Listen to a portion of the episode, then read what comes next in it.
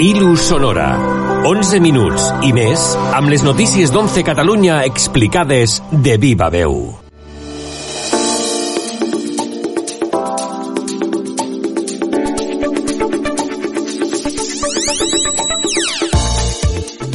Benvinguts i benvingudes de nou a Ilu Sonora, el podcast que us apropa les informacions més destacades d'11 Catalunya i que ja arriba a la seva cinquena edició, la primera d'aquest 2022. Som-hi?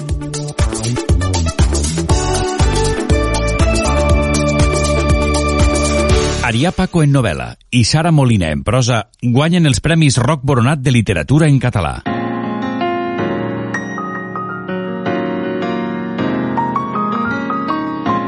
L'11 Catalunya convoca cada any, i ja en van 24, els Premis Literaris en Llengua Catalana Roc Bornat en memòria de l'escriptor i polític republicà, promotor del Sindicat de Secs de Catalunya. La cerimònia d'entrega es va celebrar el passat 24 de març a l'Auditori 11 Catalunya en un acte presidit per la consellera de Cultura de la Generalitat de Catalunya, Natàlia Garriga. El delegat territorial i president del jurat, Enric Botí, va destacar el compromís d'11 Catalunya amb la llengua catalana i la producció literària. Subratllava la bona participació dels premis, que en aquesta edició ha estat la segona més alta de la història, amb 84 títols presentats. Des de l'11 pensem que el Premi Literari en Llengua Catalana Roc Boronat és un concurs que té molt bona salut, té molt bona acollida i a més és una contribució que fem des de la nostra organització a la llengua catalana i a la creació literària. Aquest concurs també significa la promoció d'una cultura inclusiva, ja que té una categoria per persones cegues, però també la té oberta per persones que no tenen una discapacitat. El jurat va escollir Arià Paco com a guanyador de novel·la per Covarda Vella tan salvatge, que es publicarà a l'editorial Amsterdam al setembre. El Premi Roc Boronat està dotat amb 6.000 euros. L'autor, Arià Paco, de 29 anys, graduat i màster en filosofia, es mostrava molt feliç. Em fa feliç que s'aposti per, per una novel·la així una mica complicada i filosòfica um, i em fa feliç això perquè porto dos anys treballant-hi i, i perquè la gala va ser realment emotiva i em vaig sentir molt agraït. A la categoria exclusiva per a escriptors secs o amb discapacitat visual greu, Sara Molina es va endur el triomf amb El dia que les paraules van perdre els seus filtres. El premi està dotat amb 900 euros.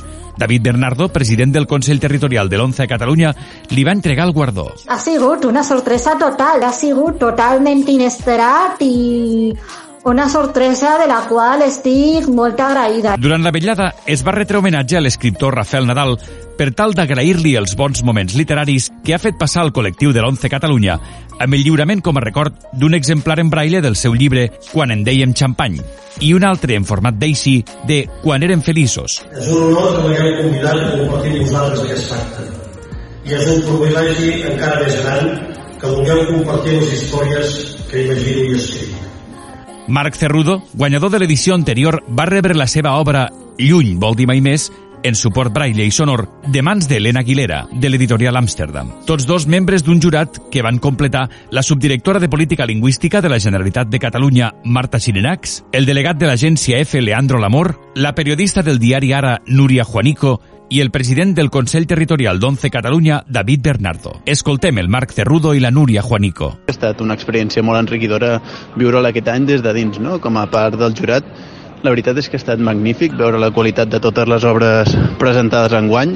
Eh, ha estat molt complicat triar la guanyadora perquè ja dic, la qualitat era altíssima i, i m'ho he passat molt bé llegint molt dels manuscrits presentats. Ha estat un debat eh, molt ric i molt interessant. Hem posat sobre la taula doncs, les nostres opinions també eh, entre els membres del jurat hi ha perfils molt diferents. La gala va estar amenitzada pel pianista Guillem León, un jove músic sec que va néixer a Barcelona l'any 2000. Va començar a estudiar piano i solfeig al Conservatori de Badalona als 5 anys, on es va graduar amb el Premi d'Honor. Ha estat reconegut amb diversos premis nacionals i internacionals.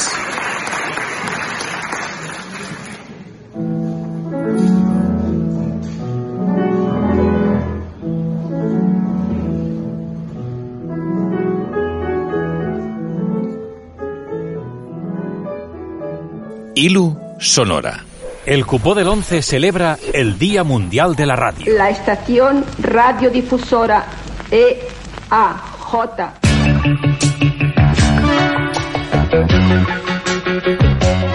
El Dia Mundial de la Ràdio va ser el motiu del cupó de l'11 del diumenge 13 de febrer, coincidint amb la celebració d'aquesta data. 5 milions i mig de cupons van difondre aquest mitjà de comunicació, molt vinculat des de sempre a les persones cegues o amb baixa visió. La ràdio, tan important per la seva vida, el seu lleure i la seva companyia. Moltes són ja veus amigues, la banda sonora de les nostres vides. Són les 8 del matí. Són les 8 del matí. matí de... Bon dia, Catalunya. Són les 7. Bon dia, Catalunya. Buenos días, España. Les habla Luis del Olmo. Desde Radio Miramar de Barcelona y a través de las 45 emisoras. Llevamos 500 años haciendo una cosa que se llama radio. Des de l'11 Catalunya, felicitem totes les emissores i tots els professionals que hi treballen per obrir-nos una finestra al món i fer-nos més feliços amb les paraules i els sons. I també ens felicitem a nosaltres com a oients. Identifiqueu, per exemple, aquest gran locutor? Jo vull, em vull dirigir no només a la gent que fa ràdio amb discapacitat visual, sinó sobretot a aquella gent que molts cops em diu que és tan important per una persona cega la ràdio. Per tothom és molt important. La ràdio fa companyia. I la ràdio no deixa de ser els ulls per molta gent que no hi pot veure. Sí, efectivament, és en Jordi Basté. Reconeixeu ara aquesta veu? I especialment vull saludar les persones cegues per les quals la ràdio és un mitjà indispensable al llarg de la meva vida. Sempre que en algun programa han trucat oients i, i, i al saludar-me m'ho deien, em deien soc una persona cega, creieu-me que he sentit eh, un especial respecte pel fet que sempre he imaginat que escolteu d'una altra manera, que escolteu molt més atentament, que podeu captar molt més el que se us està dient a través de, de la ràdio. Sí, és la gran Gemma Nierga. Les persones cegues també són protagonistes amb la seva pròpia veu, com la del jove Pere Ribes, que des de que era quasi un nen ja feia l'anàlisi tècnic dels partits de futbol del seu estimat Olot. Sí, 6 punts seria un gran coixí. Recordem que vam arribar a estar a 8 punts, però bé. Pel Pere, la ràdio és... Per mi la ràdio és el mitjà de comunicació màgic. A mi m'agrada dir que és el mitjà de comunicació sec i immortal. Per mi la ràdio també és una eina per, per entretenir-me i desconnectar. M'encanta arribar a casa i posar la ràdio per desconnectar del dia. La ràdio és una fidel amiga. Us desitjo un feliç dia de la ràdio. A tota aquesta gent que ens ha acompanyat durant tants anys, eh, una abraçada molt cordial i, com sempre m'agrada dir, visca la ràdio i sempre la ràdio.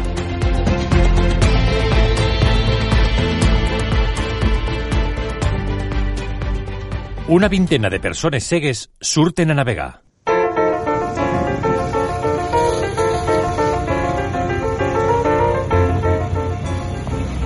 ¿Dónde está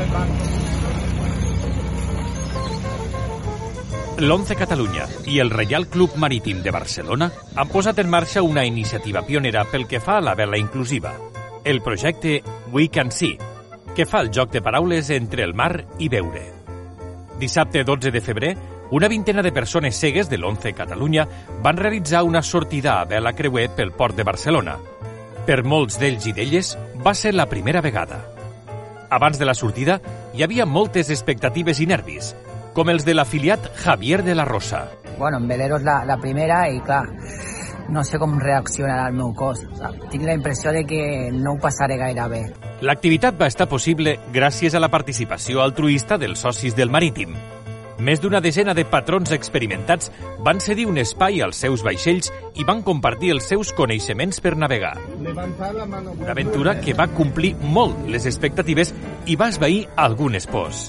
Ni me he mareado ni nada. Hemos sido todos un equipo. Una experiencia muy chula, recomendable y nada, que os animéis todos a, a probarlo. Sentir las olas, el movimiento del barco, y, no sé, es, a mí me gusta. En barco velero no había montado nunca y pues bueno, es una sensación nueva, es algo, un poco el contacto con el mar. Pues una sensación de, de libertad, de, de, de, la sensación de las olas, de, de bienestar, ¿no? Per Paul Viñuales, coordinador d'animació sociocultural i esports de la Delegació Territorial 11 Catalunya, ha estat una gran experiència per a les persones cegues. Crec que realment aquestes activitats són més d'entreteniment, però és més el fet de poder fer-les, que és lo important. Després de l'èxit de l'activitat, des de la Delegació Territorial d'11 Catalunya i el Reial Club Marítim de Barcelona s'organitzarà una sortida a vela cada mes. I més endavant es començarà també amb el rem.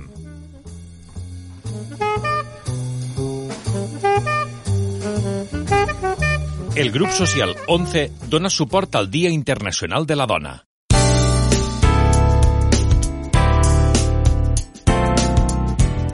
El grup social 11 va donar suport al Dia Internacional de la Dona, dedicant-li el cupó del 8 de maig i el cupó del 22 de febrer al Dia de la Igualtat Salarial. Reivindica així, i amb un munt d'actes a tot el territori, la igualtat de la dona en l'àmbit laboral, salarial i tots els altres, i la necessitat d'eliminar definitivament les bretxes de gènere. Al grup social 11 hi treballen més de 30.000 dones, amb les mateixes condicions salarials que els seus companys, i representen gairebé un 43% de la plantilla total.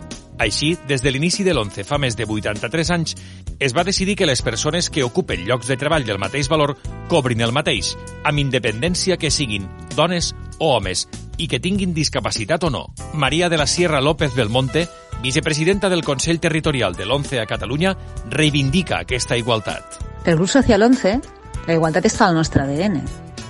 Ho diem des de fa anys. Igual per avui, igual per a demà. Sempre. Amb mateixa feina, mateix salari. Els salaris de les persones amb discapacitat a Espanya presenten una corba negativa en els darrers 10 anys respecte al conjunt de la població i aquesta tendència s'accentua més amb les dones amb discapacitat, fet que provoca que aquestes es trobin en una situació de més discriminació i vulnerabilitat. Les dones amb discapacitat cobren ara gairebé 500 euros menys que l'any 2010. Dolors Guiu, agent d'Igualtat de l'11 a Catalunya, creu que s'ha d'escoltar sempre les dones. Les dones hem de fer-nos sentir.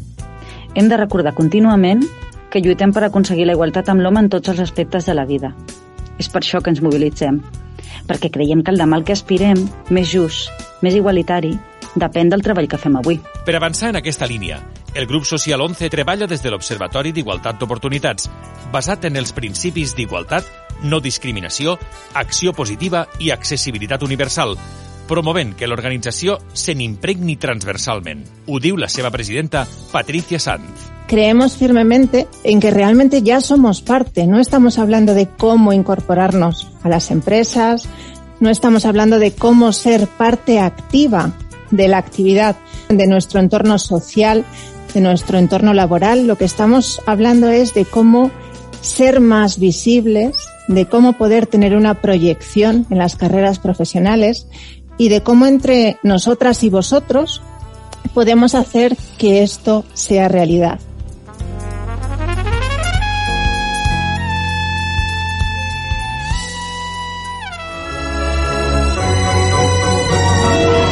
I fins aquí aquesta nova edició d'Il·lus Sonora. La tanquem esperant que el que us hem explicat us hagi resultat interessant i us emplacem a esperar el proper número amb molta il·lusió. Fins aleshores.